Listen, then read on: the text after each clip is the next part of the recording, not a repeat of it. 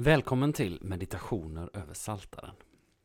Tanken med de här inspelningarna, eller den här podcasten om man så vill, är att utifrån en vers ifrån Saltaren i Gamla Testamentet säga något litet som förhoppningsvis får bli till inspiration eller uppbyggelse eller fördjupning för dig som lyssnar. Alltså en vers ifrån Saltaren, några ord utifrån den versen och så en smula stilla musik. Varmt välkommen att lyssna.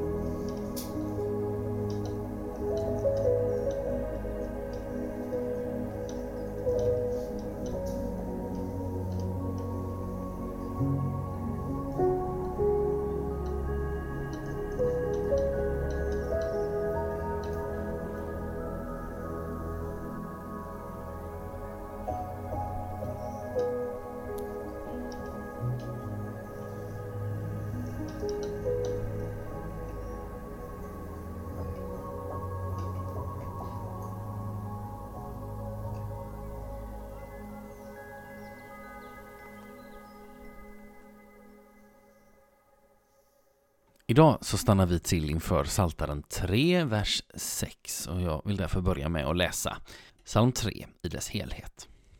En psalm av David när han flydde för sin son Absalom. Herre, mina fiender är många. Många reser sig mot mig, många säger om mig, han får ingen hjälp av Gud. Men du, Herre, är min sköld och min ära. Du är den som ger mig seger. Jag ropar högt till Herren och han svarar från sitt heliga berg. Jag lade mig ner, jag sov, jag vaknade. Herren stöder mig. Jag fruktar ej för de tiotusen som ansätter mig från alla håll. Herre, grip in. Rädda mig, min Gud. Du slår mina fiender på käken. Du krossar de gudlösas tänder. Hjälpen kommer från Herren. Ge välsignelse åt ditt folk. Och idag stannar vi alltså till inför den sjätte versen här i psalm 3. Och den versen lyder så här. Jag lade mig ner, jag sov, jag vaknade, Herren stödde mig.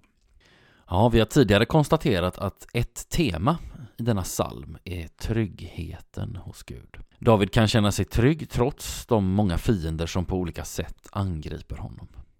Det är Gud som är garanten för den tryggheten och i dagens vers talar David om denna trygghet på ett nytt sätt. Den finns där inte bara på dagen utan också på kvällen, på natten och på morgonen. För David säger Jag lade mig ner, jag sov, jag vaknade. Herren stödde mig. Det ligger något mycket förtröstansfullt i att David kan säga dessa ord. Han kan lägga sig ner på kvällen, somna in och sova och sedan vakna på morgonen eftersom Herren är hans stöd. Eller annorlunda uttryckt, det är Gud som med sitt stöd och beskydd gör det möjligt för David att kunna somna in, sova och sedan vakna. Just den insikten uttrycker David också på ett annat ställe. Han säger så här Jag lägger mig ner i frid och sover. Du, Herre, låter mig bo i trygghet. Saltaren 4, vers 9. Men det är viktigt att se att David även haft rakt motsatta erfarenheter. I psalm 22 ropar han ut Min Gud, min Gud, varför har du övergivit mig? Jag ropar förtvivlat, men du är långt borta. Min Gud, jag ropar om dagen, men du svarar inte. Jag ropar om natten, men finner ingen ro. Psaltaren 22, verserna 2 och 3. Under natten kan det bli verkligt tydligt att Gud är den som förmår ge oss människor den sanna friden. Lika fullt kan det vara under natten som vi människor kan känna oss som allra minst och då också Gud kan kännas som allra längst borta. David fick uppleva båda dessa nattens ytterligheter. För den människa som delar Davids upplevelse av förtvivlan och övergivenhet och som upplever att Gud inte svarar eller att han är långt borta, för den människan kan det vara gott att få en påminnelse om de ord som David uttalade om att vara övergiven av Gud. De orden har Jesus ropat ut på korset. Min Gud, min Gud, varför har du övergivit mig? Se Matteus 27, vers 46. Och den frid som i natten kan kännas så långt borta, den har Jesus lovat att ge. Han säger frid lämnar jag kvar åt er. Min frid ger jag er. Jag ger inte det som världen ger. Känn ingen oro och tappa inte modet. Johannes 14, vers 27. Dessa båda saker, korset och Jesu löfte om frid, hänger samman. Och vi bör försöka se dem tillsammans. Jesu ord om att ge oss frid är inte ett löfte som står för sig själv. Det är ett löfte att ta till sig i ljuset av korset. För det är han som av kärlek till dig och mig gick in och delade Guds övergivenheten på korset. Det är han som lovar oss den frid som världen inte kan ge. Det är han som blev människa för vår skull och som gav sitt eget liv för att rädda oss från mörker, synd och död. Det är han som lovat oss frid. Eller som Paulus uttrycker saken i Romarbrevet 8, vers 32. Han som inte skonade sin egen son utan utlämnade honom för att hjälpa oss alla. Varför skulle han inte skänka oss allt med honom? Vi ber. Kära himmelske Fader, jag ber om den frid som du i Jesus Kristus har lovat de dina. Herre, du vet hur väl jag behöver den, liksom du vet precis vad som är min ofrid. Jag ber också för den kommande natten. Låt dem som denna natt ska sova få somna in i frid och imorgon vakna upp till ännu en dag av nåd. Låt dem som ska vaka känna att du bär också i nattens timmar. Hjälp mig och alla människor att se och förstå att du som redan gett ditt liv för oss också ska ge av den frid som du har lovat. I Jesu namn. Amen.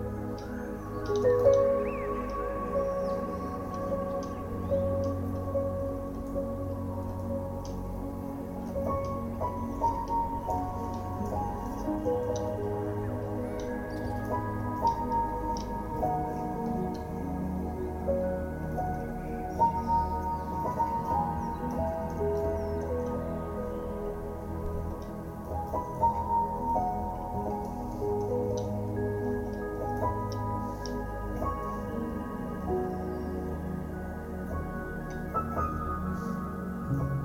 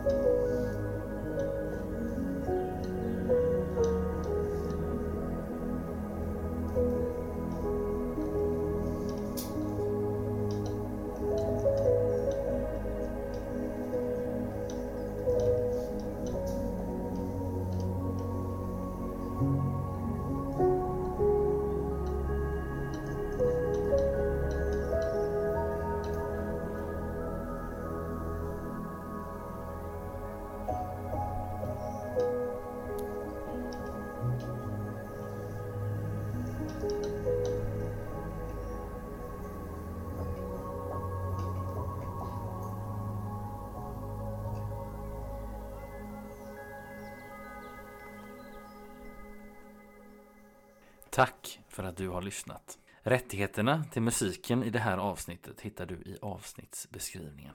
Tills vi hörs igen önskar jag dig allt gott och Guds rika välsignelse. Hej då!